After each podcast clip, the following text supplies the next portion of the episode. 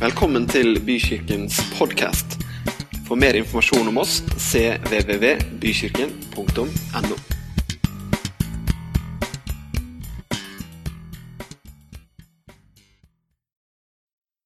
Dere, vi skal lese noen vers sammen i dag som har eh, vært i meg og hos meg eh, over lengre tid. Og jeg har delt kortversjonen med noen, men jeg har ikke preka dette før, så jeg gleder meg i dag over å kunne dele noen vers eh, som er tatt midt ut av en eh, hverdagslig, men ekstraordinær situasjon. Føler du at livet ditt er hverdagslig? Føler du at det til tider er litt ekstraordinært òg, eller? I negativ eller positiv retning? Ja, Det kan være så mange forskjellige ting. Men denne situasjonen her, den er eh, ekstraordinær, ikke med positivt fortegn. For denne er ekstraordinær på den måten at det er et menneske som er i ferd med å miste motet. I ferd med å gi opp. I ferd med å kaste inn håndkleet i ferd med å si at 'denne stafettpinnen jeg har tatt, den har ikke jeg tenkt å løpe med videre'. Så kan det hende du kjenner deg igjen i en av disse beskrivelsene jeg akkurat ga, eller i noe av det andre som jeg skal dele. Men det er ord til oppmuntring og trøst. Amen. Det er gode ord, fordi at midt i denne situasjonen her så kommer sannhet, så kommer Guds ånd, så kommer Guds liv, og så blir utkommet et helt annet. I denne situasjonen så er det en ung mann, en ung leder, som har tatt på seg et ansvar. Han skal lede en menighet. Noen av oss vet hva det dreier seg om. Men eh, jeg må jo bare innrømme at eh, what I have seen is peanuts. For denne unge pastoren, han møter forfølgelse, han møter menighetsflukt, medlemsflukt. Keiser Nero herjer som aldri før. Den verste forfølgelsen kanskje i historien skjer av de kristne i Roma. Og Timoteus, Paulus sin unge venn, ikke bare venn, men han kaller han for sin sønn i troen. Han står midt inne i denne situasjonen. Og jeg vet ikke hvor du er hen i ditt liv i forhold til mange ting, men jeg vet at livet det innehar så mange ting. Og jeg vet at det er en menneskelig ting å noen ganger ønske å gi opp. Hallo! Nå blir prisen for høy. Nå skiller jeg meg for mye ut. Nå kreves det for mye. Nå kjenner jeg meg strukket ut av min egen komfortsone. Ikke sant? Sånn kan livet være. Gang på gang på gang kan det være sånn. Og da er det nydelig at vi kommer inn i denne historien i 2. Timoteus-brev, det første kapitlet. Kaller jo ofte både dette og brevet foran og Titus-brevet for pastoralbrevene. Og vi ser her en far snakke til sin sønn.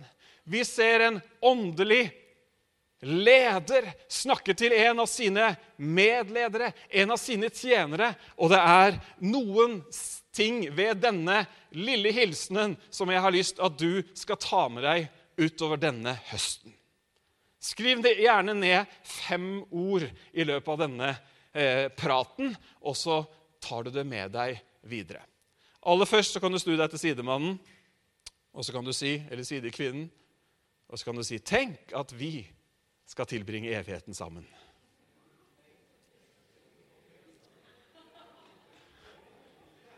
Det trenger ikke å være så romantisk, det, så noen ble litt sånn røde her nå, men Det er liksom det som er perspektivet, ikke sant? Ok. Tilbake til Timoteus. Er du klar? Du får det på veggen, og vi leser det faktisk i kor på veggen. så ikke jeg leser en annen oversettelse. Det er Norsk bibel 2011. Paulus, når han skriver dette, og det må jeg ta med, så sitter han i fengselet i Roma. Det som er spesielt med dette fengselsoppholdet, er at ut fra hva vi ser han skriver andre steder, så har Paulus skjønt at nå er livet mitt veldig snart over.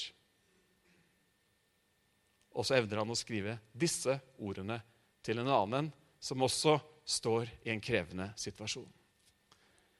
Jeg takker stadig for deg og husker på deg natt og dag i mine bønner til Gud, som jeg tjener med en ren samvittighet, slik som mine forfedre.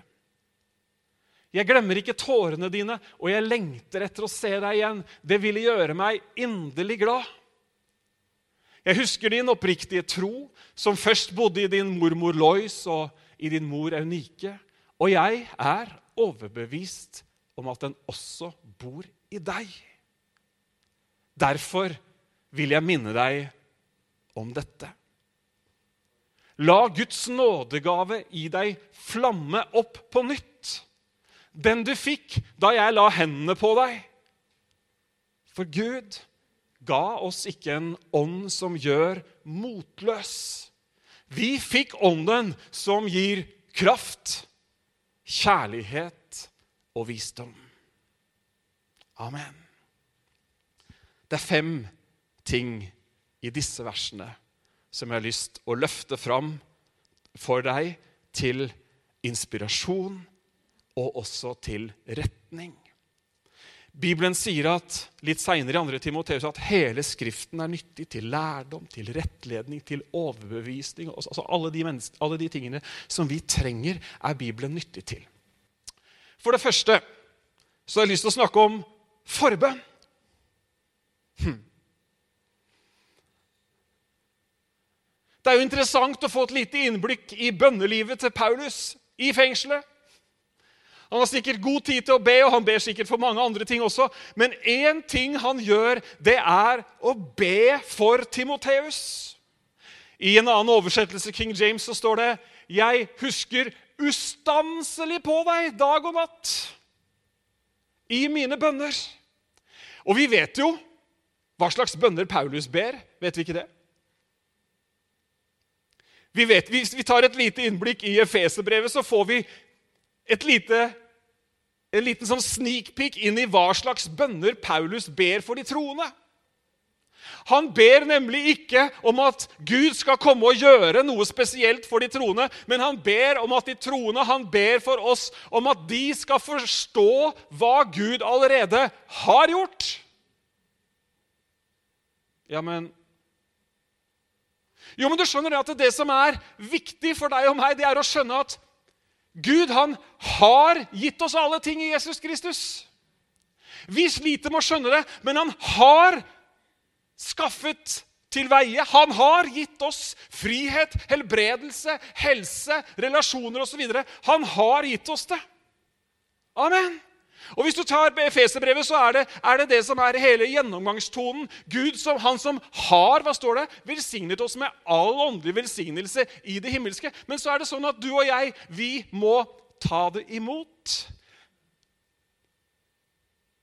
Og det skjer ved at vi tar det imot i tro. Hva sier Jesus? Tro bare at du har fått det, så skal det bli gitt deg. Tro bare at du har fått det. Tro er elementet. Vi puster for å si det sånn, i luft. Fiskene puster i vann. Du tar imot det Gud har gitt deg, i tro. Amen. Og det bygger ikke på hva du kan se, det bygger ikke på hva du kan dokumentere. Nei, men det bygger på hva han har sagt. Det er dokumentasjonen. Derfor så ser vi at troens helter de har alle tatt imot det Gud har sagt, uten å se det. Hallo? Du trenger jo ikke å tro hvis du allikevel ser. Nei, du tar det imot ved tro. Bar Abraham fram sønnen sin. Ikke sant? Og Derfor så er det denne bønnen Paulus ber for sin kjære kollega. Gud, må du hjelpe han sånn at han forstår alt hva du har gitt. Amen. Jeg vet ikke om du ber sånn for noen. Jeg ber sånn for noen. Jeg sa ikke det for å sette meg i en sånn egen kategori, men jeg ber sånn når jeg ber for mennesker, og jeg har bedt for mange av dere i sommer. Dere skulle bare visst. Jeg ber om at ber, altså Det er mange ulike ting vi kan be om, men jeg ber om at vi skal i større grad Ikke ved at jeg kommer med en eller annen formel, men ved at Ånden gir en åpenbaring for vårt indre hva vi har fått i Jesus.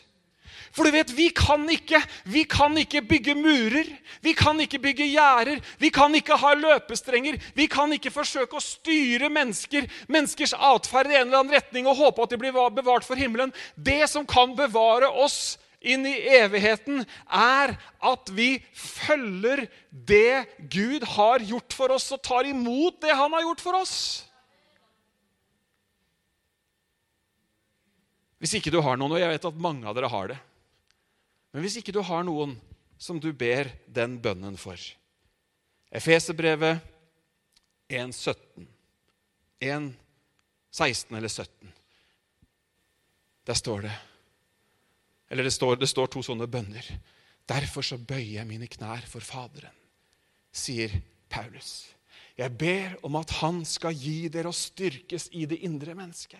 Jeg ber at, nå er jeg over i fritt sitat. Jeg ber om at dere skal skjønne alt hva Han har gitt, hvor stort det er, hvor veldig kraften er, hvor enormt håpet er, hvor rik gaven er. Det ber Paulus, og det ber han også for Timoteus. Utfordringen dere, er ikke at Gud ikke gjør noe. Utfordringen er at vi ikke tar imot det han har gjort. Forbønn er noe mer enn en god tanke. Jeg har lagt merke til, og jeg har faktisk arrestert meg sjøl i det også Når jeg møter folk, folk, i en eller annen vanskelig situasjon, så har jeg liksom noen ganger bare sagt ja, jeg skal tenke på deg. Det har jeg slutta med. Ikke det at det er, altså, ikke, det er semantikk. Altså, slapp av, det er ikke det at det er noe farlig å si det. Men hvis ikke jeg sier at jeg skal be for deg, hvem er det da som skal si det? Hæ? Og Paulus han sier til sted jeg ber om at det blir gjort bønner for alle mennesker. Bønn, påkallelse og takk. Det er derfor vi har starta opp igjen med bønnemøtene. vet du. Og dere som er der som fast inventar, takk Gud for dere. Dere vet at akkurat de bønnene i Efeserbrevet, Gunnar, de har vi bedt veldig mange ganger. De har vi lest veldig mange ganger. Hvorfor? Jo, fordi at vi vet at det finnes altså så mye rikdom som veldig mange aldri har tatt ut av konto. Det neste som jeg har lyst til at dere skal legge merke til her, og som er en ting som jeg tenker mye på, og som jeg syns kommer så klart fram her, det er den relasjonen som så tydelig fins mellom Paulus og Timoteus. Det er så tydelig at dette er ikke en sjef og en ansatt. Dette er ikke liksom to kollegaer på et profesjonelt nivå, men det er tydelig at det er en kjærlighet der.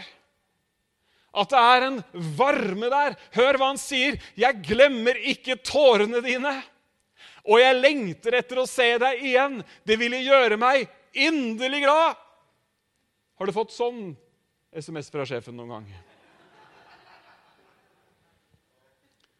Du har mest sannsynlig ikke fått det av naboen heller. Jeg håper du har fått det av kona eller av gubben eller av mora di eller faren din en eller annen gang. Men for et språk! Han identifiserer seg. 'Jeg glemmer ikke tårene.' Hva er det det er snakk om? Jo, det er en sann relasjon. Jeg skjønner hvordan du har det, Timoteus.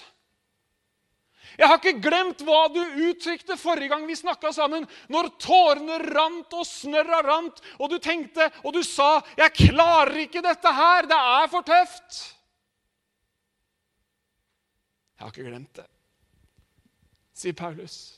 Jeg har ikke glemt tårene dine, og jeg lengter etter å se det. Selv om Paulus mye sannsynlig, mener forskerne, her har innsett at han trolig aldri får se Timoteus igjen, så er allikevel dette han uttrykker. Jeg lengter etter å se deg igjen. Det ville gjøre meg inderlig glad. Det er noe annet enn sånn derre Fint å se deg. Ja, men dere, Vi ler litt av dette her, men dere, det finnes en, og vi kommer, vi kommer, litt tilbake til det, det finnes en, en inderlighet i relasjonen som ikke dreier seg om nettverket på LinkedIn og hvem du kjenner som kan hjelpe deg å fikse akkurat det. Det er en relasjon. Dere, Når Bibelen snakker om deg og meg, om vi som er her, så bruker den utelukkende benevnelser som vi vanligvis har i familielivet. Brødre, med Jesus blir kalt vår bror. Hallo! Relasjoner. Her er det en relasjon som er dyp, som ikke er tredje hver søndag, som ikke er 'hva meldte Yr' om været i morgen, men som handler om et fellesskap som går på dybden. Og dere, jeg tror at vi, akkurat vi som sitter her, og alle de andre, men nå tar vi akkurat vi som sitter her Jeg tror at vi har en meter eller to eller tre å gå i å bygge dype, varme, gode, varlige, eh, varige, kjærlige relasjoner oss imellom.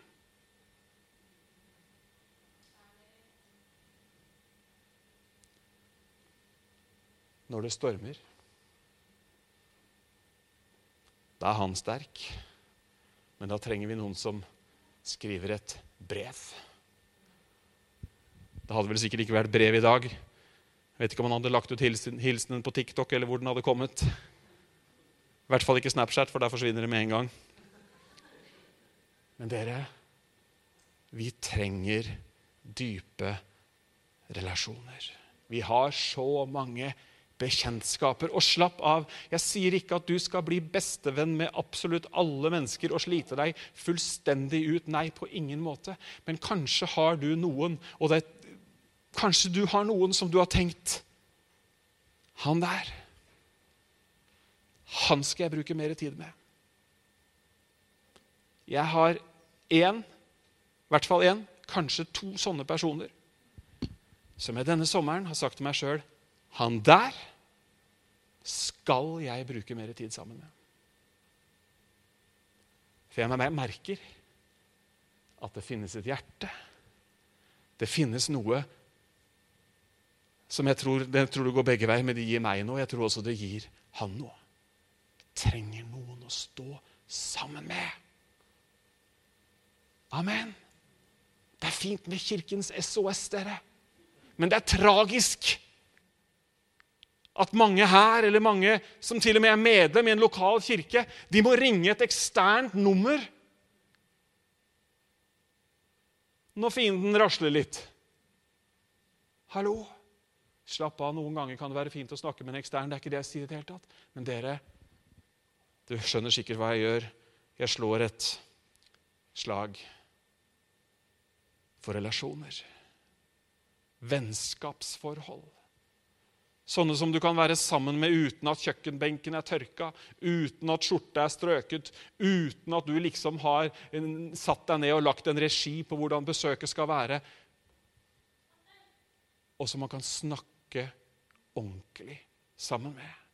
Snakke om de dype tingene. Og man ser her så tydelig at dette er relasjonen. Og du vet, når du har en sånn relasjon med noen, da kan du gjøre det som Paulus nå gjør på de neste tre tingene jeg skal nevne. Da har du en plattform for faktisk å være sann og være direkte. Men han gir seg ikke helt ennå, for det neste han gjør, er å bekrefte.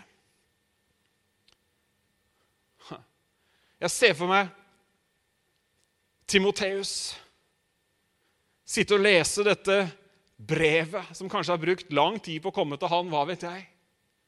Så sitter han og så leser han. Og så er det ikke bare bønner, og så er det ikke bare 'Å ja, Paulus han er glad i meg'. Men så kommer også Paulus med noe som vi alle som mennesker virkelig trenger. Bekreftelse. Han er død nå, men eh, professor i sosialmedisin Per Fugeli var en mann jeg gjerne hørte mens han levde. Han åpna en stor konferanse for psykologer. Jeg tror det var på Stavanger eller Sandnes eller et eller annet for en del år siden. Med følgende ord. Og det ryktes at han sa ikke så mye mer enn det. Og Jeg skal ikke forsøke å etterligne dialekten hans, for den var ganske sånn eh, karakteristisk. Men han bøyde seg fram, og så så han over den store forsamlingen. Vet du hva det står i panna på hver eneste en av dere? Det ble helt stille i salen. Det står Se meg. Det er flott sagt. Flott sagt. Og det er det han gjør her. Han har sett han. Jeg kjenner tårene dine. Men så er, anerkjenner han og bekrefter Du, det som mormora di hadde, hun Lois. Og bildene kommer til Timoteus sitt hode med en eneste gang. Å, mormora mi.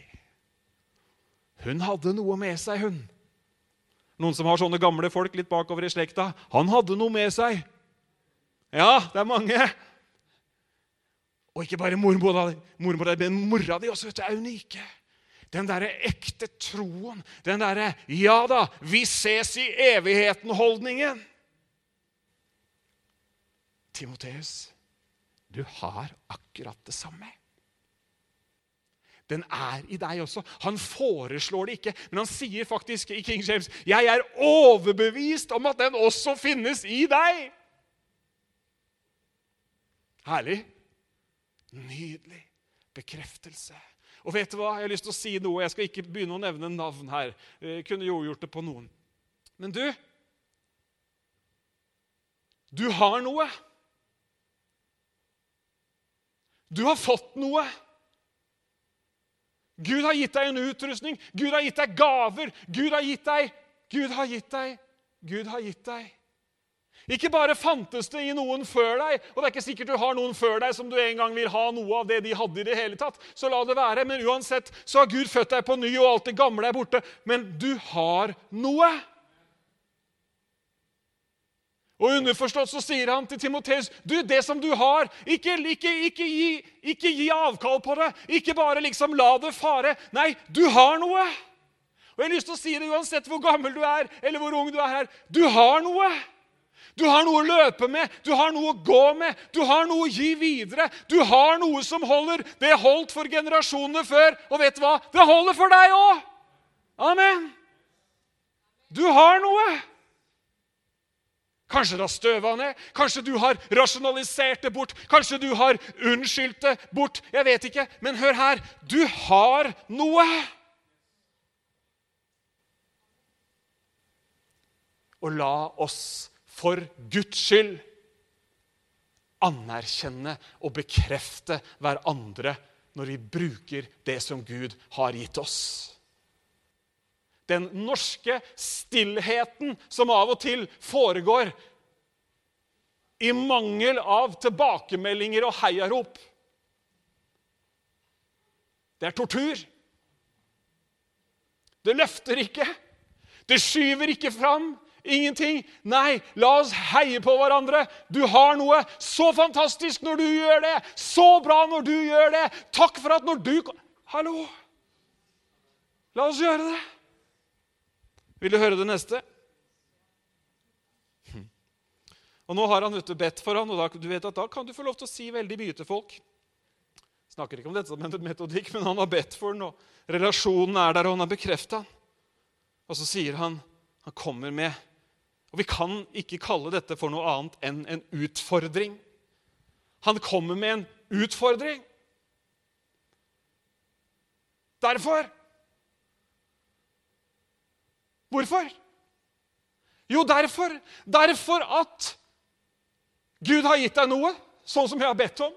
Fordi jeg kjenner deg og vet hva du står for, og fordi du har fått noe. Derfor, Timoteus, så vil jeg minne deg om dette. La Guds nådegave i deg flamme opp på nytt.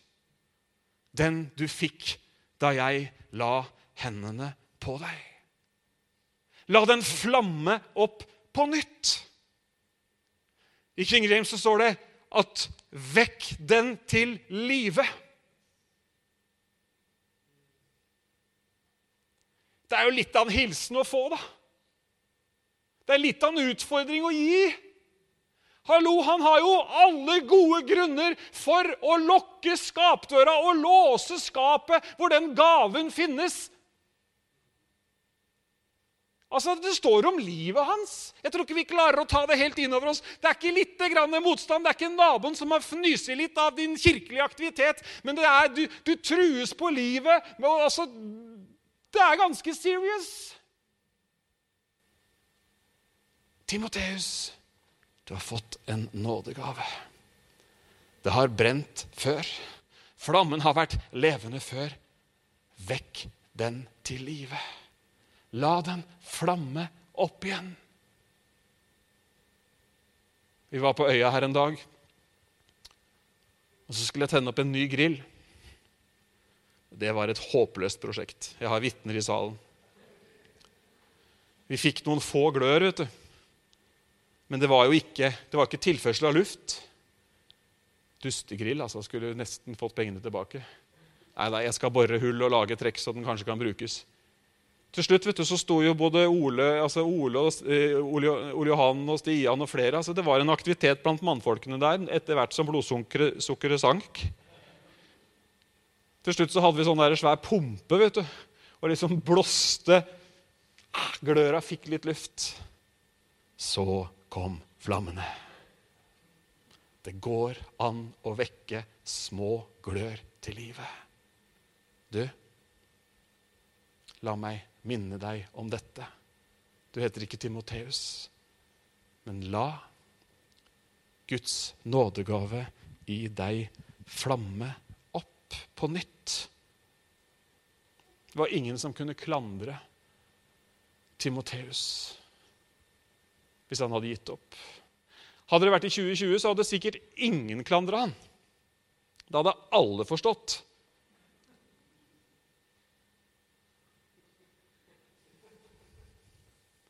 Jeg var på leir med noen unger. Det er morsomt. Dere har fantastiske unger. Jeg skal si mer om det en gang.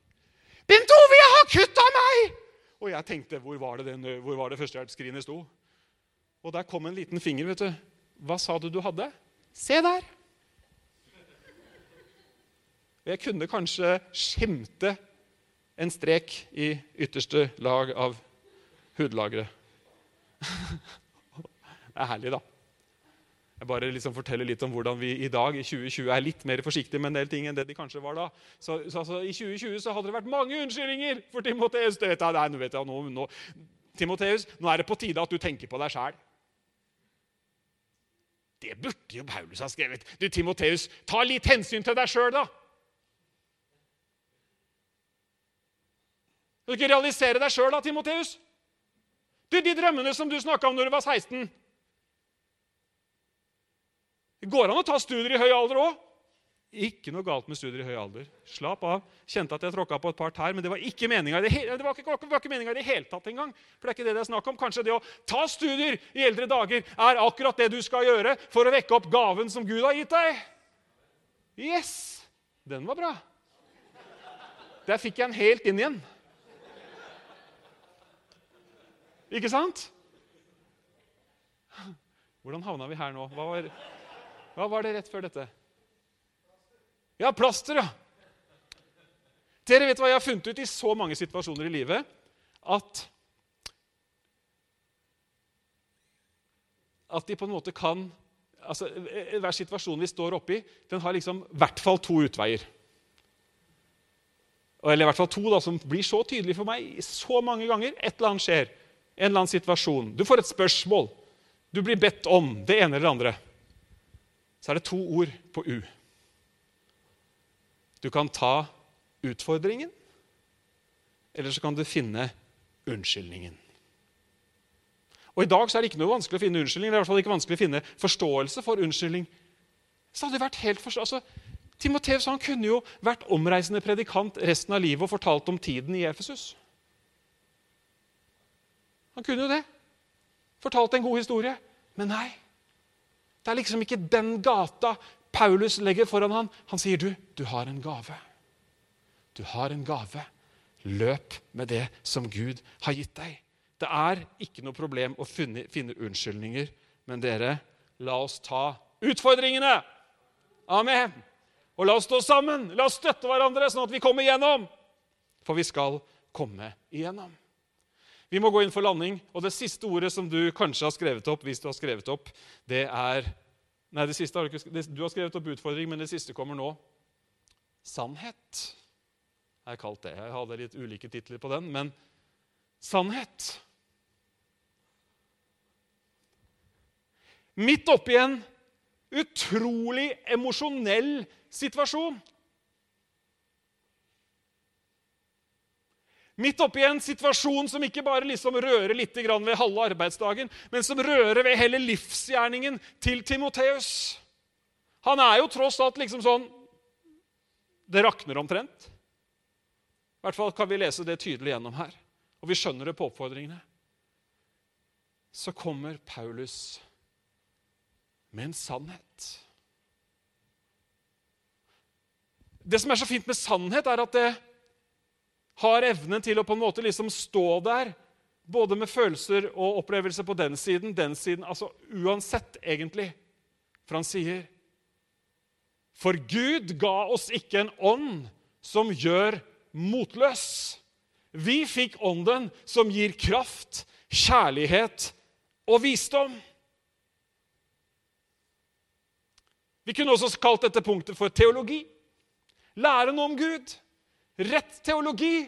Hva sier Bibelen? Hvordan er Gud? Hva kan vi vite om Han? Og Her slår Paulus det fast at Gud ga oss ikke en ånd som gjør motløs. Han sier ikke til Timoteus at 'vet du hva, det er helt feil å være motløs'. Han sa ikke det. Han prøvde ikke å kjøre på med en eller annen sånn fordømmelsestaktikk. at vet du hva, 'Er du motløs nå? liksom, Er det ikke noe tæl i deg, eller?' Han bare konstaterer en ting. Og vet du hva, du og jeg jeg sa det, det står seinere i 2. Timoteus 3. Hele Skriften er nyttig til overbevisning, til lærdom osv. For Paulus han våger å være en far. Han våger å være en åndelig leder. Han våger å være en hyrde. Og så sier han det er sånn at du, du er gjerne motløs, men det er ikke Gud som har gitt deg en ånd som gjør motløs. Hørte du det? Du kan gjerne være motløs, men det er ikke Gud som gjør deg motløs. Do you get it? Vi trenger ikke sånn felles bekjennelse. Er det noen som er motløse noen ganger? I går så fikk jeg en, en, eh, en melding seint på kvelden fra en som jeg var ungdomsleder for når jeg nesten bare var en ungdom sjøl. Så var kjempelenge lenge siden. Ut av det blå kom det en melding. Du, har du det alltid bra? Du ser så fornøyd ut. Jeg har ikke hørt noe fra den mannen, må jeg jo si nå, da på 35 år, sikkert. Er, er, jeg så gammel? Jo, det er jeg. ja. Nei, altså drøyt 30 år. Så skrev jeg tilbake at eh, ja, jeg er alltid glad, for gleden i Herren er min styrke. Hvor mange tror at det var det jeg skrev? Ja. Ivar og Ole, det er samtale på torsdag. Nei, selvfølgelig. Jeg skrev noe sånn som at nei, jeg prøver jo å møte Dagene er ulike, og jeg prøver å møte dagene som kommer, på best mulig måte. Men det viktige er å skjønne Timoteus. Det viktige er å skjønne for oss at Gud kommer ikke med en ånd som gjør oss motløse. I beste fall så er det vår egen ånd som gjør oss motløse. Så kan det være andre ting, det kan være omstendigheter. Call it what you want. Men det er ikke Gud som kommer og gjør oss motløse. Jeg kjente at det var litt sånn Den var liksom ikke helt resonans i den der. Men det er greit. Boka sier det. At Gud gir ikke en ånd som gjør motløs. Gud har ikke gitt oss motløshetens ånd, står det. Han har gitt oss en annen ånd. Den ånden den kommer med kraft. Kan også forstås som styrke. Den ånden kommer med kraft, kan også forstås som mot, pågangsmot osv. Guds ånd kommer med styrke. Og Vi snakka om at Paulus ber for de troende. Jeg ber om at dere må styrkes i det indre mennesket, sier Paulus. Det er det Guds ånd kommer med. Så hvis det er et eller annet som kommer over deg, og du kjenner at nå blir jeg skikkelig motløs, så vil ikke jeg si noe annet enn at det er ikke Gud som kommer med det. Men jeg vil si at Guds ånd kommer med kraft og kjærlighet og sindighet.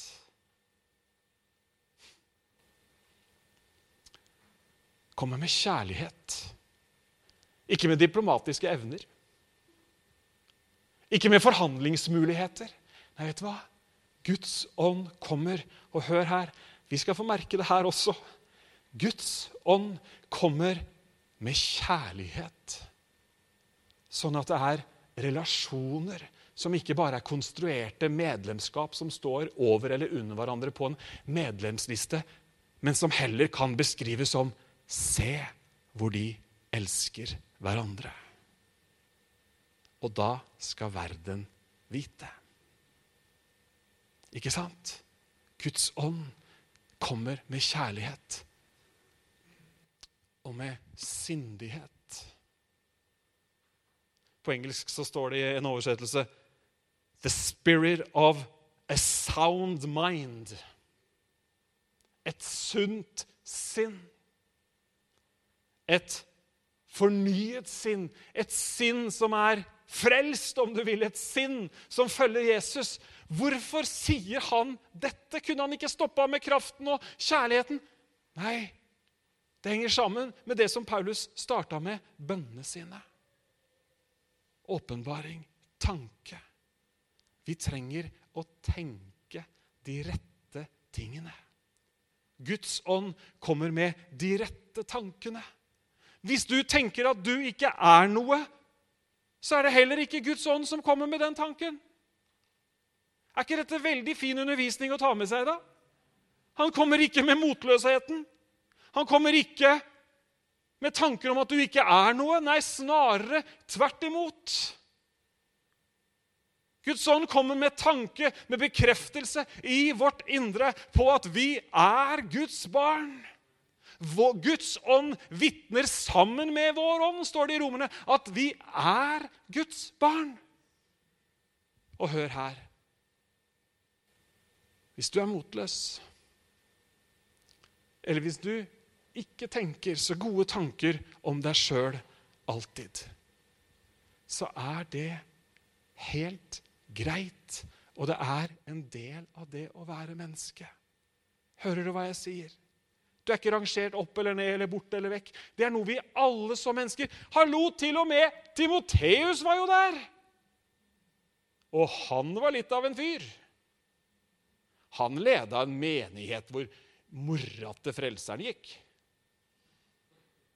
Har vi noen som kan matche det her? Nei, det håper jeg ikke. Altså, hallo!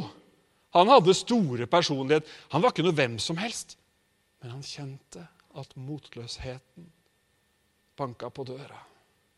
Han kjente at tankene, som ikke var Guds tanker, som ikke var Guds ånds tanker, tanker om at vet du hva, dette går ikke allikevel Herren sier ved profeten Jeremia kapittel 29.: For jeg vet hvilke tanker jeg tenker om dere, sier Herren.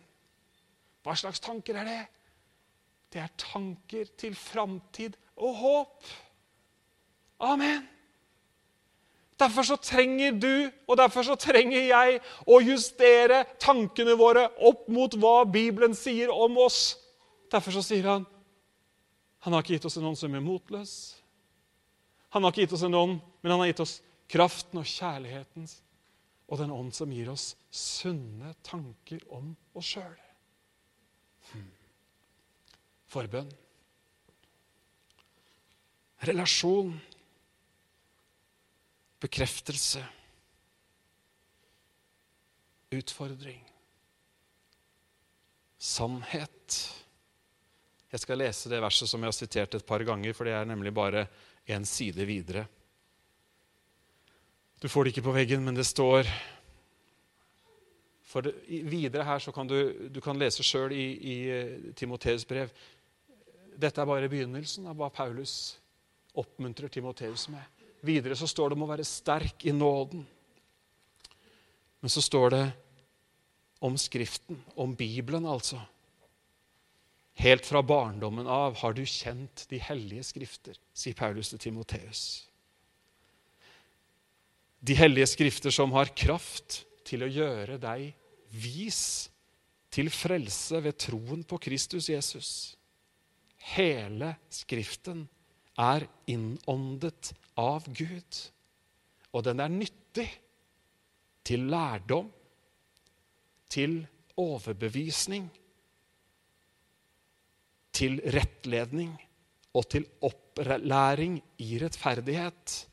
For at Guds menneske, det er oss, skal bli satt i stand og godt utrustet til all god gjerning. Det var dette som lå på mitt hjerte å dele i dag. La oss reise oss opp og be sammen.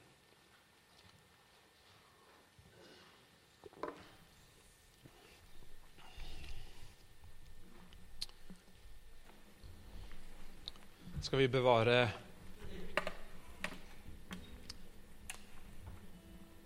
en rolig atmosfære, og så skal vi be sammen. Så kan du be der hvor du står, så skal jeg lede i en kort bønn. Kjære far, jeg takker deg for at du kjenner oss. Du vet om alle ting.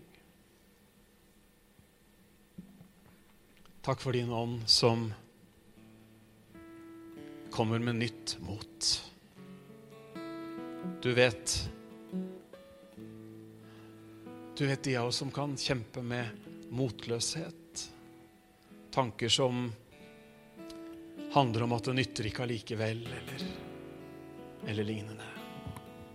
Takk at du ikke kommer med en sånn motløshet, Herre, men du kommer med det motsatte. Med kraft, med kjærlighet.